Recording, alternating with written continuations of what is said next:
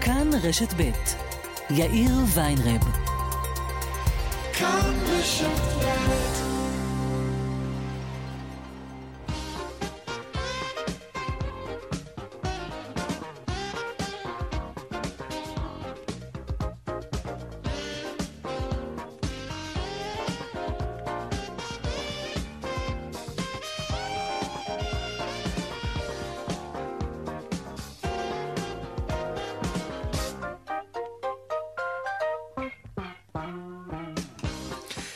ארבע וכמעט חמש דקות, כאן צבע הכסף ברשת ב', יום שלישי, שלום רב לכם בהפקה וגל בשור, טכנאית השידור שלנו היום היא ליטל אטיאס.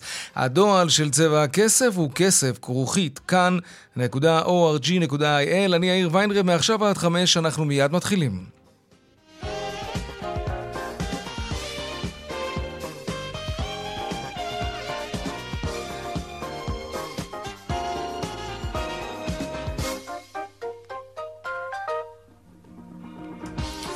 כותרות צבע הכסף ליום שלישי אחרי שעתיים של שיבושים קשים תוקנה התקלה המעצבנת בוואטסאפ. שלום איתי שיקמן, כתבנו לענייני טכנולוגיה. מה זה היה? שלום יאיר. אז תראה, לפי הערכות של אה, מומחים, אגב אין איזושהי הודעה רשמית ממטא לגבי מה הייתה תקלה, חוץ מזה שהם סידרו את זה ושהם מתנצלים בפני הלקוחות, הערכה ממומחים שאני מדבר איתם היא שמדובר אה, בבעיות אה, באחד משרתי הענן אה, של, אה, של מטא, מה שהשפיע על משתמשים באפריקה, באסיה, באירופה mm-hmm. ובמזרח אה, ארצות הברית. שוב, זו הערכה, אין לנו משהו אה, ודאי. סייבר, אה, לא... אבל זהו, שלפחות לפי המומחים שאני מדבר איתם, נראה שלא מדובר במתקפת סייבר. זה לא אומר שלא תהיה אחת בעתיד. בעתיד, וזה לא אומר שאנשים אה, לא צריכים להבין שהשימוש בפלטפורמה הזאת זה שימוש בפלטפורמה שיכולה לקרוס, ולכן תמיד כדאי שיהיו בקאפ, שיהיו אה, אמצעים אה, חלופיים, mm-hmm. כי זה כבר קרה לנו בעבר. נזכיר לך, 4 באוקטובר 2021, הפעם האחרונה שוואטסאפ קרס לזמן ארוך, אז היה גם אינסטגרם ופייסבוק שקרסו למשך 6 שעות.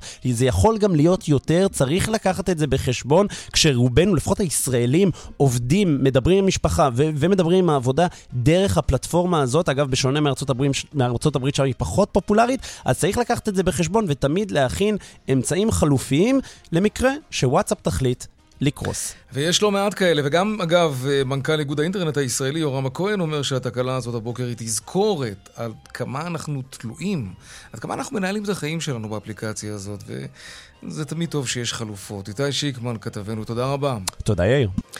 העניין הבא שלנו במגזר העסקי תוקפים את העלייה הצפויה במחירי החשמל ומזהירים שעסקים רבים לא יוכלו לעמוד בזה.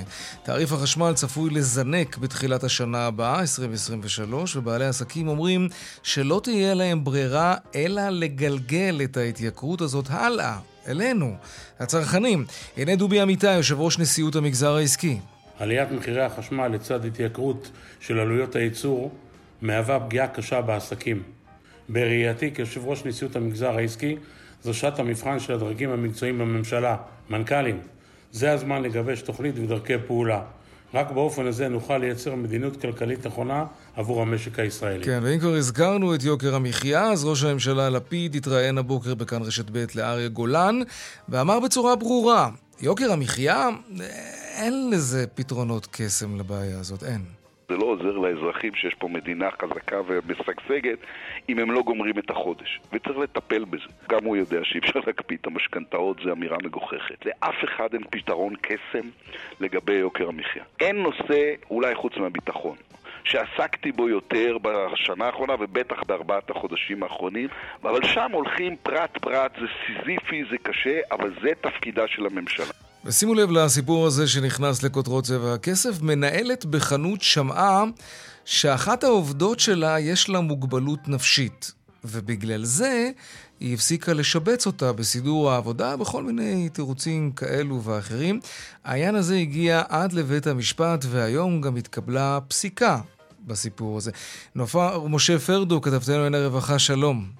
שלום יאיר. כן. בית הדין לעבודה בתל אביב פסק 48 אלף שקלים לטובת עובדת מתמודדת נפש שהופלטה בשל מצבה.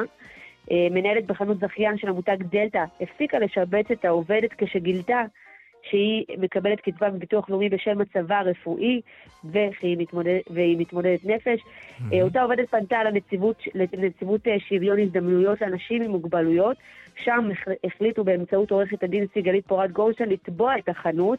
ושים לב, בית המשפט קיבל את טענות העובדת לאפליה, ופסק לטובתה 48,000 שקלים וכן הוצאות משפט. נפאר משה פרדו, תודה רבה. תודה. חברת התעופה הגדולה בארצות הברית, אמריקן איירליינס, הודיעה כי 130 באוקטובר, אוטוטו, היא תפעיל טיסה יומית בדרימליינר, בואינג 787, בקו תל אביב-מיאמי. שרון עידן, כתבנו לענייני תעופה ותיירות, שלום. כן, חברת התעופה האמריקנית, אגב, הגדולה בארצות הברית ומהגדולות בעולם, יאיר, אמריקן כן. איירליינס, שעד לא מזמן לא טסה בכלל לישראל, מגדילה עוד את האחיזה שלה כאן בנתב"ג. היא מודיעה, יאיר, שהחל משבוע הבא למעשה, היא נכנסת בקו למיאמי, בין מיאמי לנתב"ג, לטיסה יומית.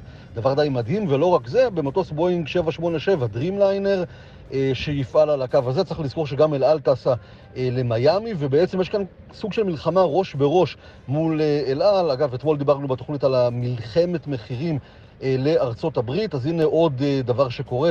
מיאמי, כן. פלורידה, בהחלט אחד הקווים שיכול להיות בהחלט מעניין. ובעצם המלחמה הזאת על הקווים גורמת לכך שאנחנו רואים הרבה מאוד מחירים שיורדים בטיסות לארצות הברית. מצוין. ייתכן מאוד שאנחנו גם נראה אה, ירידות לא רק בקו למיאמי כתוצאה מהדבר הזה, אלא גם ליעדים אחרים שהחברות האמריקניות כל הזמן שוקדות ומנסות, יאיר, לפתוח. בין נתב"ג לארצות הברית. תודה רבה, שרון. ועוד בצבע הכסף, מספר המשרות הפנויות במשק בעלייה, וזה מעניין. האבטלה בשפל, ומצד שני עוד ועוד משרות פנויות. נדבר גם על זה. אגב, בהייטק, כן, שם בהייטק דווקא מצטמצם מספר המשרות הפנויות. רשות המיסים רוצה להחזיר לכם כסף, זאת לא בדיחה, לא מתיחה. אם קיבלתם מעטפה ירוקה מרשות המיסים, יש מצב שמגיע לכם כסף בחזרה. אז לא להיבהל ולא להתעלם, נדבר עוד מעט עם סמנכ"לית ברשות המיסים שתסביר. אפליקציה חדשה לסלבס בלבד, ידוענים, הם יכולים באמצעות האפליקציה הזאת, נגיד סתם ככה, כן, לאכול פלאפל בחינם או המבורג, מה שבא להם, כן, בחינם, לא ממש, כלומר, חינם אין כסף, אבל בתמורה, אותם סלבס צריכים כמובן להעלות סטורי ולספר לכם כמה זה היה טעים. איתי שיקמן יהיה כאן עוד מעט עם הסיפור הזה. נבדוק גם אגב אם, אם זה חוקי. בכלל? האם לא צריך לשלם מס על המנה פלאפל שקיבלתם בחינם? והדיווח משוקי הכספים לקראת סוף השעה, אלה הכותרות, כאן צבע הכסף. אנחנו מיד ממשיכים.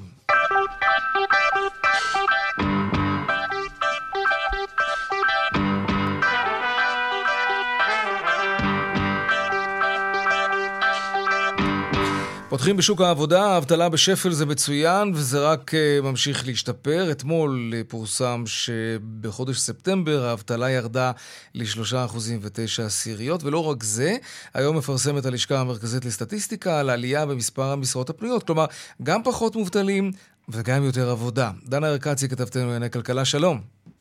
שלום יאיר. נכון, אה, העלייה נרשמה במספר המשרות הפנויות לצד המשך ירידה בשיעור המשרות הפנויות בתחום ההייטק. זאת אומרת, יש בשורה טובה אולי, אבל בתחום ההייטק אנחנו רואים ששיעור המשרות אה, הפנויות נמצא בירידה, וזה לפי נתוני הלמ"ס לחודש ספטמבר 2022.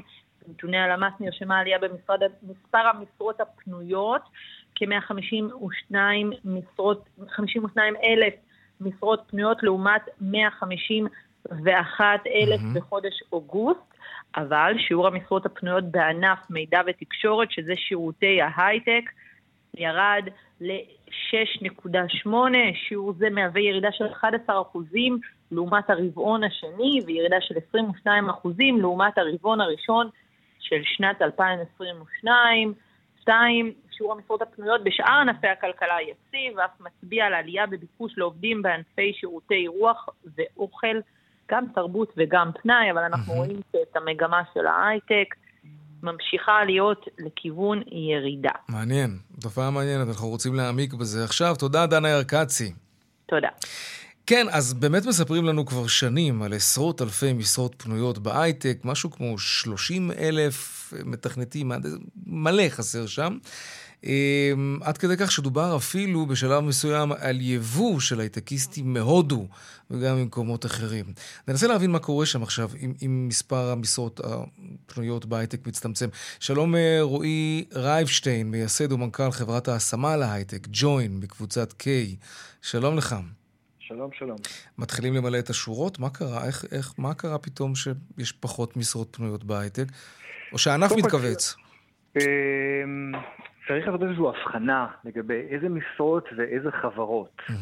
אה, בגדול אז רואים באמת שיש פחות משרות, במיוחד בתחום היותר טכני, אה, וגם שם צריך לעשות איזושהי הבחנה. יש את החברות אה, האמריקאיות, או חברות שמבוססות על השקעות, שבהן באמת יש ירידה, נגיד הרבה חברות קורפרט אמריקאיות, נגיד בגדול חברות כמו מייקרוסופט, גוגל ודומיהן, וכמובן גם חברות קטנות יותר שהן הקפיאו גיוסים או אה, הורידו משמעותית מספר גיוסים.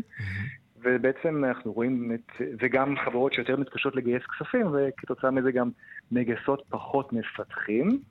אה, אז יש אכן ירידה, כן? אה, עדיין כמות המשרות היא גדולה יותר מכמות העובדים הטובים. אז אם בעבר, זאת אומרת, שנה אחורה, חצי שנה אחורה, חברות התגמשו בדרישות על מנת למלא את התקנים, אז היום יש להם יותר מרחב לבחור את האנשים שבאמת רוצים, הטובים יותר. על כמה משרות פנויות אנחנו מדברים אגב? הגם שיש פחות משרות פנויות, אבל עדיין, אתה אומר, מדובר בהיקפים גדולים. כמה ידיים עובדות חסרות היום בענף ההייטק? אה, זאת אומרת, הידיים המוכשרות מספיק, אז חסרים אלפים, לא יותר. אה, ואז עדיין, צריך, רוב החברות מתפשרות כשהן מגייסות. לצורך העניין, אה, מתכנתים מאוד מוכשרים ומנוסים חסרים בתעשייה. Mm. אה, ועדיין, אם דיברת, דיברת קודם על הודו, או כן. הם מגייסים חברות outsource במזרח אירופה, זה עדיין לא ממלא צרכים מאוד מאוד ספציפיים ש, שיש כאן. זה די אה, מדהים. כן אה, שווה לציין, אבל שזה לא כן. נכון לגבי כל החברות. החברות סטארט-אפ שכן מצליחות להראות מודל עסקי חזק ומצליחות להמשיך לגייס כסף, עדיין מגייסות עובדים. אה, בתחום, לצורך העניין, השיווק, מכירות, אנחנו כמעט ולא רואים ירידה, אם בכלל, אולי לפעמים לעיתים עלייה בכמות המשרות. אה, ושם בכלל אנחנו לא רואים אה, שום שינוי מבחינת ה...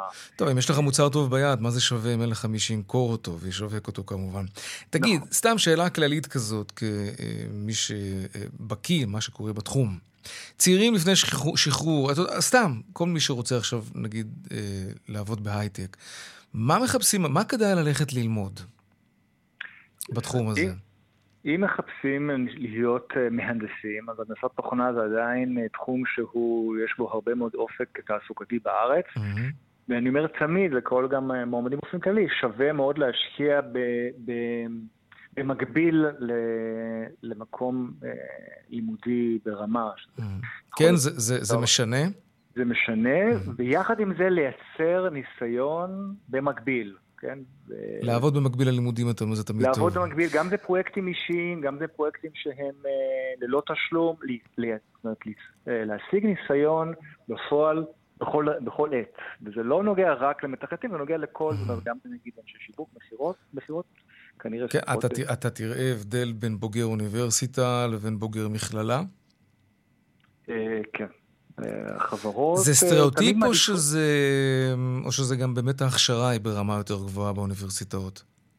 זה תורה תלוי, אבל לא הייתי שם את... בעיקר מה שאתה רואה זה שברגע שהאוניברסיטאות בעצם אה, לוקחות, אני אומר את זה באופן גורף, כן? כן. אה, לוקחות אנשים שעברו נניח פסיכומטרי... כן, זה ברור. אבל אתה יודע, זה לא תמיד אומר. נכון, לא, נכון. אז מראש... יש כישרונות מטורפים ש... שלא למדו דווקא באוניברסיטה. זה מה שרציתי להגיד. כן. אז מראש הן בוררות, הן קוטמות את ה... את הפעם... את הדובדבנים והקצפת. כן, הם לוקחים את האחוזים העליונים יותר, אבל כן. אנשים מאוד מוכשרים שלאו דווקא יסתדרו בלימודים או שלא משקיעים יותר מדי, אבל יש להם כישרון מסוים. הצורה שבהם תגלה את זה, זה דווקא אם הם עבדו, כמו שאמרתי, על פרויקטים אישיים, או שהם עבדו וצברו ניסיון. תגיד, חומרה או תוכנה? חומרה יש יותר אה, צורך, זאת אומרת, אה, יש פחות אנשים... יש יותר מחסור בחומרה, אוקיי. יש יותר מחסור בחומרה, אבל יש הרבה יותר משרות, מצד שני, בתוכנה. זה נורא... זה נורא תלוי. Mm-hmm. זה, זה נורא תלוי למה, למה הבן אדם מתחבר. כן? זה נראה לי סוג, סוג אחר של מהנדסים, וזה פונה ל... אתה יודע, יצא לי בזמן האחרון לדבר עם כמה אנשים, זה היה די מדהים, שסיפרו לי שהם הלכו ללמוד מתמטיקה באוניברסיטה, שזה... וואו, כאילו, אתה יודע, זה סוג המקצועות ש... הם סיפרו שכשאתה בוגר אה, פקולטה למתמטיקה, אחר כך הכל פתוח לך. אה, אפילו יותר מאשר אם למדת מדעי המחשב. זה, זה נכון אגב? יש לך, כמישהו מומחה בהשמה, לעשות משהו עם, בהייטק עם מישהו שלמד מתמטיקה? אה, כמעט ולא. זאת אומרת, זה, זה לא נכון, רגע, כמעט ולא מה שמובן נניח בעולמות של הנדסת תוכנה. אה, אנשים שיש להם יכולות גבוהות במתמטיקה יכולים גם להשתלב במקומות כמו אה, כל מה שקשור בדאטה. זה מדעני דאטה, data scientist, או אנליסטים, אז באופן טבעי יותר קל להם להתברג שם. ואיך התחומים האלה? חסרים שם עובדים? תחומים, כן, בהחלט. אוקיי, אז אולי לזה הם התכוונו. אה, אבל, אבל, מה שכן כן נכון זה שמתמטיקה ומחשבים הולכים מאוד מאוד חזק ביחד. כן. רק שבתואר המחשבים אתה צובר ניסיון כבר בזמן התואר, גם אם אתה לא עובד. בעוד שאם אתה לומד אה, מתמטיקה, זה, זה פחות טבעי בתוך התואר להתנסות בתכנות, או מספיק תכנות, כן? אבל אם שוב, אם מישהו למד כן. מתמטיקה ומתנסה, אז הוא כן יכול להתמודד ראש בראש גם עם מי שסיים מדעי המחשב. מעניין. רועי אה, רייפשטיין, מנהל ומנכ"ל חברת ההשמה ג'וין מקבוצת קיי, תודה רבה. תודה. להתראות. סלם. אם קיבלת מכתב מרשות המיסים במעטפה ירוקה, לא להיבהל, להפך, יש מצב שמדובר בחדשות טובות ובסך הכל רוצים להחזיר לכם כסף. 19 אלף מכתבים כאלה נשלחים בימים האלו ממש. שלום פזית קליימן, סמנכ"לית שומה וביקורת ברשות המיסים. מה העניינים? היי, בסדר גמור, אחר צהריים טובים. גם לך. מי הם הזכאים האלה? אה, לא בוודאות, נכון? בפוטנציה. זה עצמאים, שכירים? אבל... מי אלה? אז קודם כל זה, זה באמת פוטנציאל להחזר מס, כן. אבל זה אנשים עם פוטנציאל מאוד גבוה להחזר מס, אחרת לא היינו שולחים. לא הייתם שולחים. אה, אוקיי. מה גורם לכם על... לחשוד, אגב, ש... אה, לחשוד, לא יודע אם זו המילה המתאימה, מה גורם לכם כן. לחשוב שהבן אדם כן. הזה אה, עשוי לקבל מכם כסף בחזרה? אז, אז אני אגיד, מדובר באוכלוסייה בעצם לא של האנשים שחייבים להגיש דוח, כמו מנהלי חברות ו, ועצמאים וכולי, אלא בעיקר באוכלוסייה של שכירים, שהיא לא חייבת בהגשת דוח, רובה בכל אופן, ומבדיקות שאנחנו עשינו, בוא נגיד, אני אומר שיש אנשים שלפעמים מחליפים מקומות עבודה במהלך השנה, או כן. שלא עשו תיאום מס, אז זה כבר מייצר אפשרות להחזר מס. אז אנחנו עשינו על אותה אוכלוסייה בדיקות לפי הנתונים שלנו, ומצאנו קבוצה של אנשים שיש להם פוטנציאל גבוה להחזר מס, שהם שילמו מס ביתר בעצם, ואנחנו לאותה אוכלוסייה אנחנו פונים באופן ממוקד. כדי שיבואו ויספקו את המידע. כדי שקודם כל, כן. המטרה היא קודם כל להציף את המידע בפניהם, אנחנו לא יודעים את כל המידע, זאת אומרת, אם מישהו משכיר חנות שהוא קיבל בירושה, אבל אין לנו מושג, או משכיר דירה, או שיש לו עוד איזה, עוד משהו שהוא עושה אחרי צהריים, יש לו עוד הכנסה קטנה, אנחנו לא יודעים את כל המידע, mm-hmm. ולכן אנחנו מציפים ואנחנו אומרים על פי המידע שמצוי בידינו. אבל זה דווקא יכול להרתיע. לא, אז אנחנו מציעים, אנחנו נותנים, אנחנו ממש כאן נתנו מעטפת שלמה. א', אנחנו מפנים את האנשים, ואנחנו אומרים להם שיפנו, קודם כל יש סימולטור באתר הרשות שהוא אנונימי לחלוטין. אה, אוקיי. לגמרי, אנחנו גם כותבים את זה במכתבים ששלחנו לאנשים. אה, רגע, אני קודם אומר שמי שהוא רק שכיר לדוגמה ואין לו עוד שום הכנסות נוספות, אז הסתברות מאוד גבוהה שמגיע לו החזר, אמיתי. ולכן, בכל מקרה, כדאי להיכנס לסימולטור. הסתברות מאוד גבוהה שמגיע, שמגיע לו החזר? שיגיע לו החזר, כי אם אין לו עוד... אם הוא רק שכיר? תראה, רוב המידע שיש לנו זה בעצם ממעסיקים, מביטוח לאומי על הכנסות שהתקבלו, מכל מיני משלמי גמלאות וכולי. כן. אז ריכזנו את כל המידע שיש לנו, אבל אני אומרת, זה אף פעם לא מלא.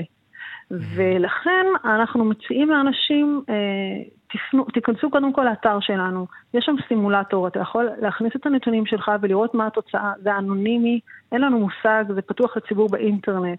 אנחנו נתנו גם אפשרות לפנות למוקד הטלפוני שלנו, ומי שיצטרך שם גם ייתנו תמיכה אפילו ברמה של לתאם פגישה לשאלות. זה גם אנונימי, הפגישה? אה, כן, לא, מה זאת אומרת? כי אני מתאר לעצמי שקורה לפעמים שתוך כדי בדיקה, והבן אדם משתף פעולה ואומר, היי, מגיע לי כסף, וזה כיף, ואז אתם מגלים שבעצם הוא חייב לכם כסף, ואני גם מתאר לעצמי שאנשים, שזה מה שמרתיע אותם, לבוא איתכם במגע. אז תראה, קודם כל יש אפשרות לבד להיכנס לסימולטור בבית, הוא לא צריך אותנו. כן. אה, בוא נזכור שבסופו של דבר המטרה שלנו היא מס אמת, לא יותר ולא פחות. זה מבחינתנו בעצם המשימה. אה, מי שירצה לפנות למוקד, הוא לא, הוא לא צריך להזדהות כשהוא פונה למוקד, הוא רוצה לשאול כל מיני שאלות או להבין משהו, זאת אומרת, כן. זה, זה אנונימי. ה- באמת, באמת, המטרה היא כאן לראות איך אנחנו יכולים יכולים למצות להחזיר, כן. זכויות כ- של האזרחים. כמה כסף, יכולה- להערכתכם, ששייך לציבור ונמצא אצלכם?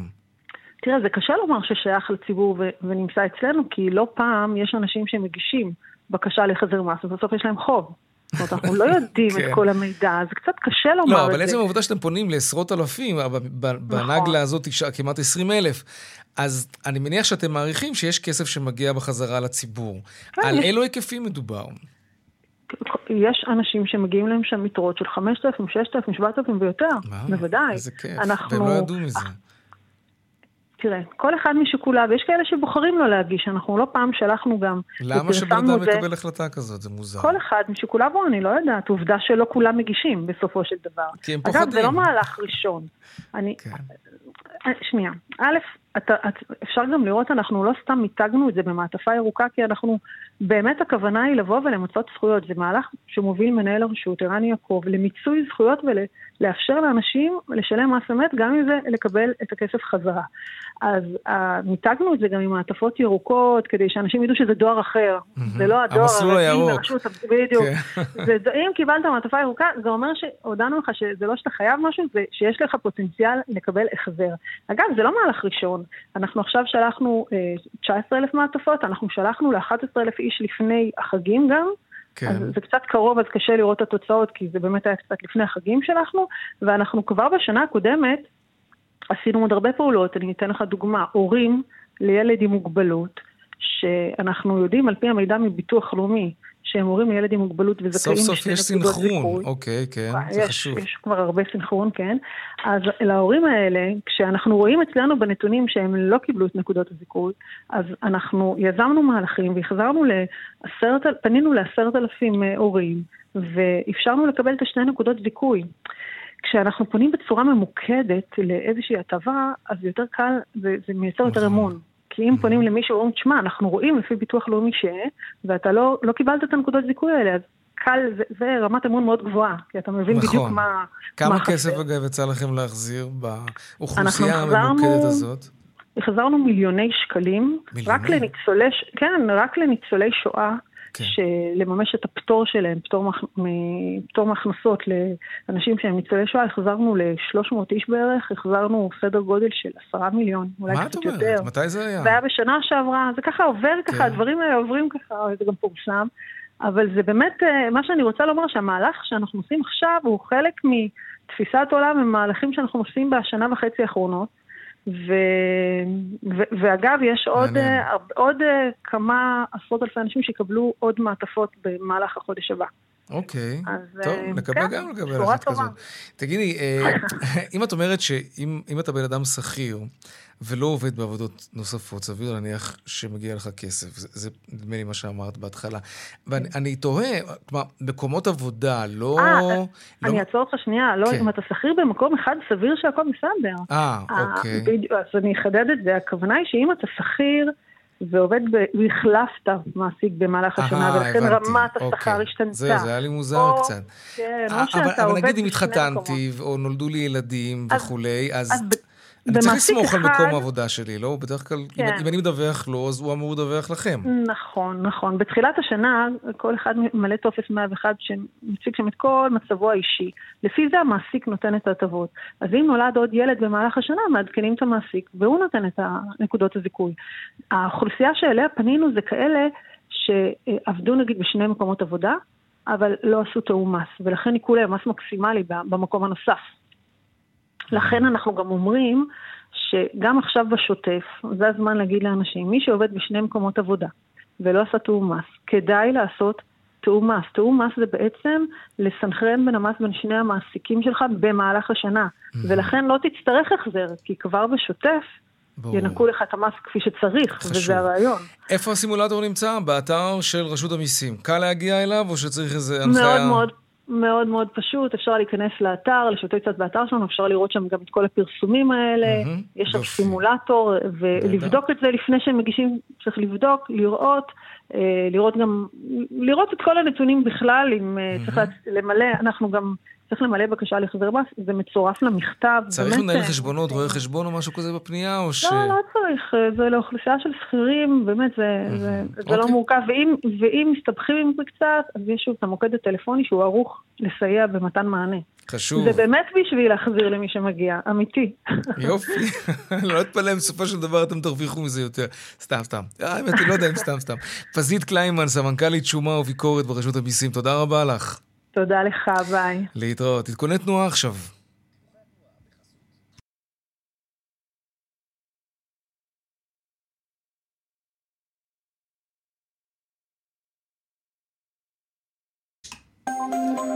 טוב, אז ככה, באיילון צפונה יש עומס תנועה ממחלף חולון וקיבוץ גלויות עד גלילות, ודרומה מרוקח עד לגוארדיה, ובהמשך ממחלף קוממיות עד מבוא איילון. בדרך החוף צפונה יש עומס מגעש ועד נתניה. עדכוני תנועה נוספים בכאן מוקד התנועה, כוכבי 9550, זה הטלמסר שלנו, אבל לא רק שם, גם באתר של כאן וביישומון של כאן. הפסקת פרסומות ומיד אנחנו חוזרים עם עוד צבע הכסף, נדבר על האפליקציה הזאת של הסלבס. אם בא להם איזה פלאפל חינם, אז uh, יאללה, תאכלו, רק תעלו סטורי ותגידו שהיה לכם טעים. פחות או יותר, איתי שיקמן יהיה כאן עם הסיפור הזה. מיד חוזרים. וכאן גם צבע הכסף, 4 ועוד 34 דקות. אה, עכשיו נספר לכם על אפליקציה מעניינת באופן כללי, אבל מעניינת בעיקר ידוענים, סלבס. לאו דווקא שחקנים וספורטאים, גם כאלה שיש להם מלא מלא עוקבים ברשתות החברתיות. שלום איתי שיקמן, כתבנו לענייני טכנולוגיה. אהלן יאיר, אפילו הייתי מגדיר אותם משפיענים. משפיענים, ידוענים, משפיע... סבבה, אוקיי, אוקיי. אז האפליקציה הזאת בעצם מאפשרת לאותם אנשים לעשות משהו עם כל הכוח הזה שהם צברו. כן, תראה, אה, שיתופי פעולה בין, אה, בכלל בין אה, אנשים מוכרים ומפורסמים, כשבעידן שלנו הרשתות החברתיות מכתיבות, אפשר לומר, את דעת הקהל. אז כן. השיתופי, שיתופי פעולה כאלה מסחריים, אנחנו מכירים את זה, זה כבר קיים. אבל יש אפליקציה ישראלית שנקראת InPlace, שנכנסה ככה לשוק לפני שנה, שנה וחצי, והסיבה שהיום אנחנו מדברים על זה, מיד נאמר לך, אבל בכל מקרה זו אפליקציה שמחברת בין משפיענים, שיש להם המינימום הנדרש זה עשרת אלפים עוקבים ויותר. יותר mm-hmm. באינסטגרם, לבין בתי עסק. עכשיו, מה שהם עושים, הבן אדם, אה, אותו משפיען הולך ברחוב, אה, יכול לפתוח את האפליקציה, לראות, או, oh, הנה מסעדה שנמצאת לידי, אני רעב, אני רוצה לאכול, בוא ניכנס פנימה, אני אראה לו שאני באפליקציה, הוא סורק איזשהו קוד, ואז אני אקבל ארוחה חינם. זה מצחיק אותי קצת. כן, כי אבל... בתמורה, אתה יודע מה, רגע, עזוב, למה שאני אסביר? בוא ניתן ל... העניין הוא שהסיבה שכל הדבר הזה צף קצת ביומיים האחרונים, כן. זה כי סרטון של מאחורי הקלעים של התהליך הזה, לא של הפרסום עצמו, אלא של מאחורי הקלעים של האפליקציה הזאת, כן. עולה לרשת, עושה לא מעט רעש על מה שנקרא דור אוכלי חינם, לפחות לפי איזושהי ביקורת, איזושהי ביקורת שראינו שם כן. של גולשים. בוא נשמע רגע קטע מהסרטון הזה. אתמול בערב הייתי רעבה, ואז עלה לי רעיון. בואנה לבנת, יש לך יותר מ-30 אלף עוקבים באינסטגרם, למה שתלכי למסעדה ותשלמי? אז נכנסתי לאפליקציה הזו שמסדרת לי שיתופי פעולה עם מקומות של אוכל, מצאתי את המקום שאני רוצה לאכול בו והלכתי. דיברתי עם העובדת בדלפק, הראיתי לה את ההזמנה שלי, ואז לא הייתי צריכה לשלם עליה, רק להעלות שתי סטוריז. כאן חיכיתי לאוכל שלי, הזמנתי קרפ מלוח, וגם שתייה, שהיא כמובן בחינם. הביאו לי את הקרפ, והאמת שהוא היה ממש טעים, ממש אהבתי. איזה מגניב זה שפשוט קיבלתי את זה במתנה, וגם קרפ מתוק אחר כך, בגלל שיש לי 30 אלף עוקבים. כן, בגלל שיש לה 30 אלף עוקבים. תשמע... אגב, אם לא טעים ואומרים את זה, אז מה? משלמים על המנה? או, אתה יודע מה? בוא, אני, אני אתן ככה טיזר ל, ל, למאזינים. היום כן. בשמונה בערב, אה, בחדשות הערב, בכאן 11, אנחנו אה, עושים כתבה, גם עם הבחורה הזאת, לבנת אה, אורינובסקי, שמדברת איתנו, וגם עם עוד אה, כמה אה, משפיענים, אה, שככה שאלנו אותם, אז התשובה שלהם היא, אנחנו מדגישים את הדברים שאהבנו, כן, סוג של, אם תרצה, מאשר כן. אה, זה. בכל מקרה, יש פה גם שאלה, בואו בוא נדבר רגע ברמה החדשותית והתקשורתית. יש פה שאלה, כי בסוף, המתת פה, מה שמקבלים, זה זה לא איזשהו קמפיין פרסומי, לפעמים גם יש את זה, אמרנו את זה, יש קמפיינים פרסומיים, זה דבר ידוע ומוכר, אבל פה הם מקבלים משהו בחינם, אה, ובתמורה מעלים איזשהו סטורי או שניים. אה, עכשיו, סימני השאלה פה, בעיקר אחרי שכולנו אה, נחשפנו לפרשה שאפשר לומר שינתה סדרי עולם, פרשת בר רפאל. כן. שאם את מקבלת ג'יפ בחינם כחלק מקמפיין פרסומי, את עדיין צריכה לדווח על זה, נכון? ולשלם מיסים גם. ולשלם מיסים. אז uh, גם פה אנחנו מדברים על סיטואציה שאתה מקבל... יש הבדל אבל בין ג'יפ לפלאפל, לא? נכון, נכון, לפלאפל, להמבורגר זה משהו הרבה יותר זול, ואגב, גם בעל העסק צריך אולי לציין את זה כהוצאה מוכרת, כי בסוף נכון. הוא אמנם נותן פה משהו בחינם, אבל מה שכביכול הוא אמור לקבל זה את ההשפעה, זה פרסום, זה הוצאה פרסומת, כן. נכון, בסופו של דבר, אה, וגם כמובן הבן אדם, העניין הוא שצריך להבין, חלק מהאנשים האלה עם עשרת אלפים עוקבים באינסטגרם, תשמע, גם לי ולך יכולים להיות עשרת אלפים עוקבים באינסטגרם. לי יש איזה אלף ומשהו, תשמע, אני לא כזה רחוק משם, נכון? נכון. עכשיו שוב, אני עובד בשידור הציבורי, אז אני לא אעשה קמפיינים פרסומיים, אל תדאג. אבל צריכים לשאול, אנשים, אתה יודע, בן אדם שעובד עכשיו ב... לא יודע מה, הוא אה, מלצר, ובמקביל יש לו עשרת אלפים עוקבים, אז אין לו עסק, אבל על הדרך הוא מקבל את האופציה הזאת, וצריך להזכיר לו, הנה, אנחנו פה לטובת כל המשפיענים אה, בהווה ובעתיד, mm-hmm. שעל הדברים הללו הם צריכים לדווח, כי יש כאן איזושהי הכנסה, גם אם היא לא בכסף, בדיוק על זה אנחנו מתכוונים כסף. לדבר על זה עכשיו. איתי שיקמן, כתבנו לענייני טכנולוגיה, תודה רבה. חן חן. כן, שלום עורך הדין אראל פרלמוטר, ראש מחלקת מיסוי במשרד ברנע, מה שלומך? טוב מאוד, מה שלומך יאיר? בסדר, טוב, הפרשנות של איתי שיקמן היא שזה עסקה לכל דבר, מחויבת במס, או שאנחנו סתם קטנונים. פלאפל אה, כולה. כן, פלאפל, אבל הרבה פלאפל יכול להיות שווה לפעמים אה, גם ג'יפ. אה, הרבה מאוד פלאפל, כן. כן. אוקיי. תראה, אנחנו קוראים לזה בעגה המקצועית עסקת בארטר. פשוט החלפת שירותים. במקום שיעבור כסף, אחד נותן שירותי פרסום, השני נותן שירותי אוכל. יש פה שתי עסקאות לכל דבר ועניין. אז התשלום מתבצע לא בכסף, אלא בשווה כסף. ומה ההבדל? בסופו של דבר יש פה עסקה, צריך לדווח על העסקה, צריך לשלם אולי מס על העסקה, לפעמים העסקה פתורה, לפעמים לא פתורה, אבל יש פה גורם נוסף ששוכחים אותו, יש פה את המשלם. אותו, בכתבה היה שם איזשהו אה, אה, חנות של, אה, של מזון, אה, נכון, מזון מהיר. כן. אולי הוא צריך לנקות מס במקור על התשלום הזה. אולי מקורות... או בטוח, אגב? כשאתה, אולי או שבטוח, כשאתה רואה באמת את התן וקח הדי ברור הזה. אז באופן עקרוני, ברגע שמשלמים, יש חובת ניכוי מס במקור, כל תשלום, אבל יש סייגים ויש פטורים לגבי דברים מסוימים, עם הסכומים קטנים, אם לצד השני יש פטור מניכוי מס במקור, כמו שלרוב העסקים בישראל יש, אבל אם לבן אדם, אה, אותו מפרסם, אותו משפיען או משפיענית, אין להם עסק, הם לא פתחו עסק ולא מדווחים, אז גם אין להם אה, אישור פטור מניכוי מס במקור, ואז אולי לא ניכו להם מס במקור, וזה לא הופך להיות רק הבעיה של המשפיען, אלא גם מי ששילם לו. מה שבטוח שלאותו משפיען, מעבר ל-30 אלף אה, עוקבים, מתווסף לו עוד עוקב, כנראה שזה מס הכנסה. כן. דיבר, דיברנו על זה לפני כמה שבועות בפרשת הדר מוכתר, שבדיוק נכון. באותו יום אחרי הפרסומים מתווסף לעוד כן. עוקב, התחילה חקירה, אני לא יודע מה עלה נכון. שם, אבל צריך להיזהר וצריך להיות חכמים, ו... גם אם יש חשש, לא הייתי רץ ומפרסם את הדברים האלה, בודק אותם לפני עם אנשי מקצוע. אבל אתה רואה באמת את רשות המיסים מתחילה לרדוף אחרי פליטי ריאליטי שמקבלים מנה פלאפל בתמורה לסטורי, שיעלם גם ככה בעוד יממה? זה לא קצת הזוי לחשוב שזה מה שיקרה? או, או שהם ירדפו כמובן אחרי אותו דוכ, דוכן המבורגרים או פיצריה קטנה. אה, אז תלוי עד כמה הדג שמן. אה, לא שווה להפעיל מערכות גבייה בשביל אה, כמה שקלים כמובן, אבל אם מדובר פה כבר על מערכת משומנת, כן. כמובן שכן, אבל יכול להיות שהמערכת הזאת זה לא בן אדם אחד, כי אם פתאום אנחנו מדברים פה על ציבור של עשרות ואולי מאות כאלה, אולי יותר, mm-hmm. אז אולי יתפסו איזשהו שעיר, משפיעים, אולי יתפסו שעיר לעזאזל כדי להרתיע את כל, את כל הצאן. Mm-hmm. לאפליקציה יש אחריות אגב, או שהיא מבחינתה רק מחברת בין המשפיען, ידוען, סלבס לאותו בית אוכל או עסק אחר כלשהו, ובזה נגמר העניין. אז זו שאלה מעולה, תלוי בדיוק, ופה צריך להיכנס לפרטים הקטנים. כי אם האפליקציה בסך הכל היא אה, מקשרת ביניהם ושום תשלום לא עובר בינה, אז אין לה שום קשר לכסף, ואולי יום אחד לקבל עמלה או דמי שימוש או משהו כזה, אין לה קשר. אבל אם פתאום חלק מהתשלומים עוברים גם דרכה, אז יכול להיות שהיא גם נגררה בעל, אה, בעל כורחה לכל הסיפור הזה. Mm, תגיד, אבל מעבר לאפליקציה הזאת, בוא נשים אותה רגע בצד, או עוד לפניה, יש כל מיני כוכבני אינטרנט כאלה, שאתה יודע, אולי לא עוצרים אותם ברחוב וכולי, אבל יש להם המון המון עוקבים ברשתות החברתיות, ולפעמים הם מעלים כל מיני המלצות uh, על מוצרים מסוימים שהם מקבלים, שמפו, נעליים, כל מיני דברים כאלה שאתה מבין, כן, גם אם זה לא נאמר במפורש, שאותה המשפיענית קיבלה את זוג הנעליים הזה בשביל שהיא תעלה סטורי, כי יש לה באמת 15, 20, 30 אלף עוקבים. זה גם סוג של הטבה שמחויבת במס? אנשים כאלה צריכים להיזהר? אז אנחנו צריכים להבדיל פה האם בסופו של דבר זה היה תשלום עבור שירות, או שבסופו של דבר אותם נעליים אחר כך החזירו אותם חזרה, ואולי היה הסדר כספי ביניהם שלא קשור לנעליים. אבל ברגע שיש תמורה בעד השירות, וזה שירותי פרסום פר אקסלנס, אין פה, אין פה כן. שאלה, ויש תמורה בין בכסף בין בשווה כסף, ויש פה עסקה, ועסקה חייבת במס. אבל מה זו. תמורה? תמורה אם אני מעלה לסטורי אני מבין. אבל אם אני סתם הולך עם זה, כי לאותה חברה...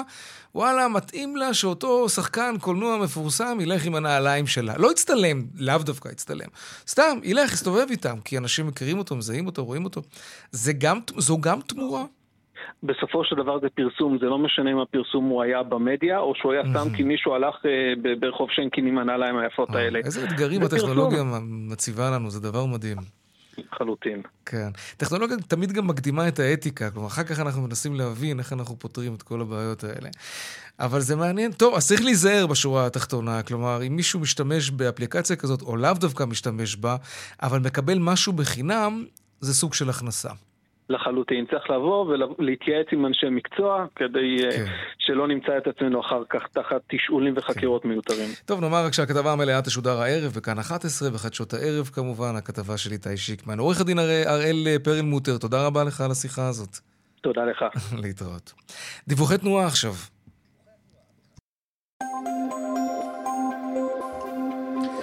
טוב, דרך שש אה, צפונה עמוסה ממחלף מאחז עד uh, מחלף קריית גת, ומנשרים עד בן שמן, ומנחשונים עד אייל. דרומה יש עומס מנחשונים עד בן שמן.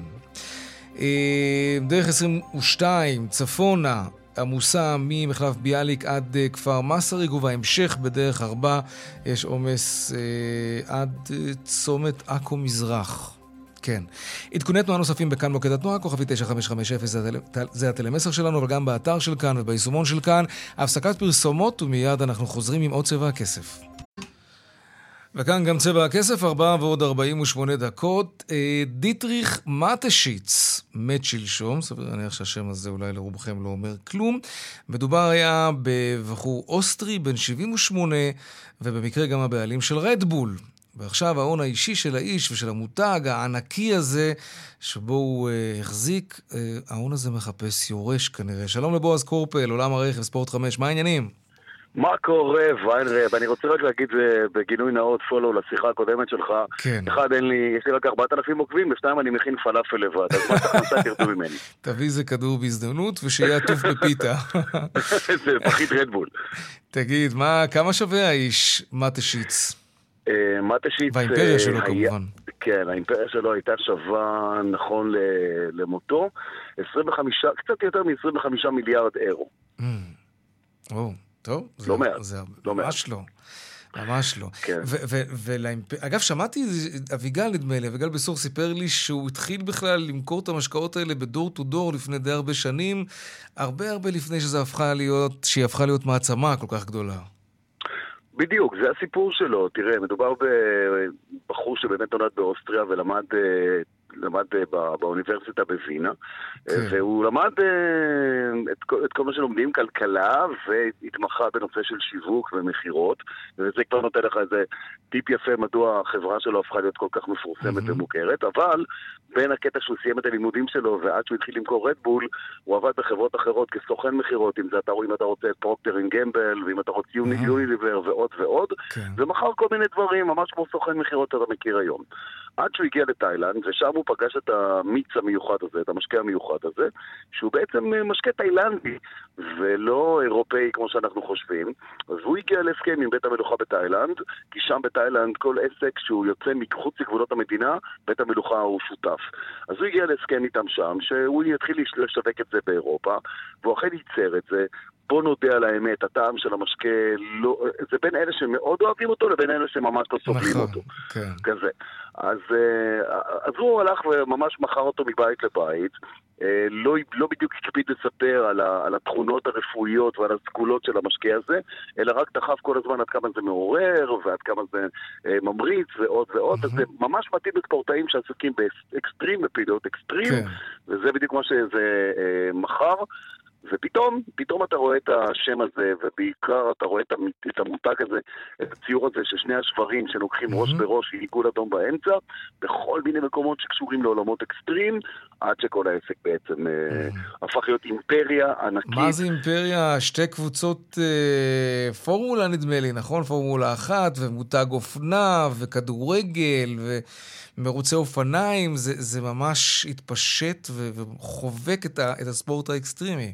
בעולם. זה חובק את, חובק את ספורט האקסטרים וכדורגל אה, בעיקר באוסטריה ובגרמניה. הוא שמר נאמנות לקבוצות האוסטריות ו- וקשרים נהדרים עם יצרני רכב ואופנועים בגרמניה ובאוסטריה, כל מה שקשור לאקסטרים. אז אם זה הגרמנים, זה פולקסווגן, כסף שהוא תרם שם לא תרם. השתתף איתם בפעילויות ושילק כן. כספונסר לפרויקטים הכי גדולים שלהם. אם זה באוסטריה, זה לחברת האופנועים KTM, ש- שמוכרת ומוכרת בכל העולם. אבל דווקא באירועי האקסטרים שלהם, אם זה מרוצי הדקר ועוד, אבל כמו שאמרת, גם חברות אופנה. אה, הוא קנה עוד חברות לצד רדבול שמייצרות משקאות אה, כאלה ואחרים, לא רק אה, משקאות אנרגיה, גם מיצים ומים וכל דבר אחר. הוא ידע מה הוא עושה, אולי... הבחור הזה, כן. אנחנו פה מכירים אולי שני טעמים, אבל אם אתה מסתובב באירופה, אתה רואה אתה המון, רואה המון המון המון נכון. מותגים של רדבול. תגיד. ואת חברת האופנה אלפה טאו. אוקיי, אחרי שדיברנו על האימפריה, מי, מי יקבל אותה עכשיו? 25 אה, לא מיליארד אירו. שוב, מס הכנסה, לא אני, לא אני. גם לא יאיר, לא. עם כל האהבה. לא. תראה, אה, ככה זה, ככה זה, כמו אנדרה סיטרואן, זה מזכיר לי בדיוק את אותו סיפור. הוא היה, הוא לא היה ערירי, אבל בוא נאמר, הוא לא היה נשוי. הוא לא התחתן מעולם, יש לו בן אחד, ככל שידוע בתקשורת העולמית, יש לו בן אחד. אה, ו... והוא לא היורש כל... הטבעי?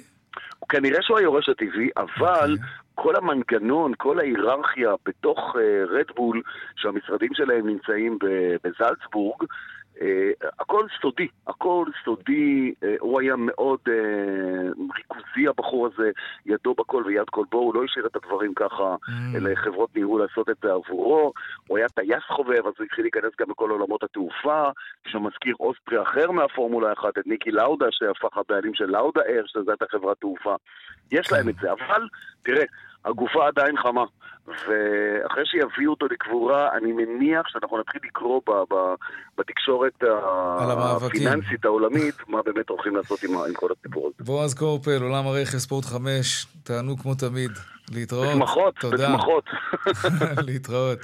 ביי ביי. ביי ביי. עכשיו לעדכון משוקי הכספים. 102 take שלום אייל ראובן, מנכ"ל אה, טאוור מבית מגדל שוקי הון. אחר צהריים טובים, יאיר. מה קורה? ספר לנו. אה, אני אספר לכם שאנחנו עולים, שאנחנו דווקא בטריטוריה החיובית, עליות שערים, אנחנו רואים את זה כבר כמה ימים, תל אביב 35 עולה כרגע בשבע עשיריות האחוז, תל אביב 90 כבר מעל אחוז, אחוז בשתי עשיריות. מי שהם ראש החץ, כבר שבעה, שבעה ימי עליות אה, רצופים, זה הבנקים. מדד הבנקים אה, בשבעה כן. ימים רצופים של עליות ועולה כרגע בעוד אחוז בשמונה עשיריות. זה די מתחבר לדוחות הטובים שהבנקים בארצות הברית פרסמו לפני כמה ימים, והם למעשה נתנו את הדרור לעליות שאנחנו רואים בימים האחרונים. אז הבנקים בסך הכל מרוויחים מסביבת ריבית עולה. זה יפה. ואנחנו בסביבה... כן, אם אנחנו כן. מרוויחים מזה גם משהו. אנחנו חייבים לחתור למטח לצערי, כי התוכנית באה לסיומה. אז, אז ממש בקצרה, גם הנסדק והמדדים בארצות הברית בצד החיובי, והדולר, כן. אמרנו, זה תמורה נועט ראי, יש קצת עליות, אז הדולר קצת יורד, כשש עשיריות האחוז כרגע מול השקל. תודה רבה. להתראות, ערב טוב. עד כאן צבע הכסף ליום שלישי, אביגל בשור, ליטל אטיאס, אהוד כהן, מיד אחרינו בנימיני וגואטה, אני יאיר ויינרי, משתמע כאן שוב מחר בארבעה אחר הצהריים. ערב טוב ושקט שיהיה לנו, שלום שלום.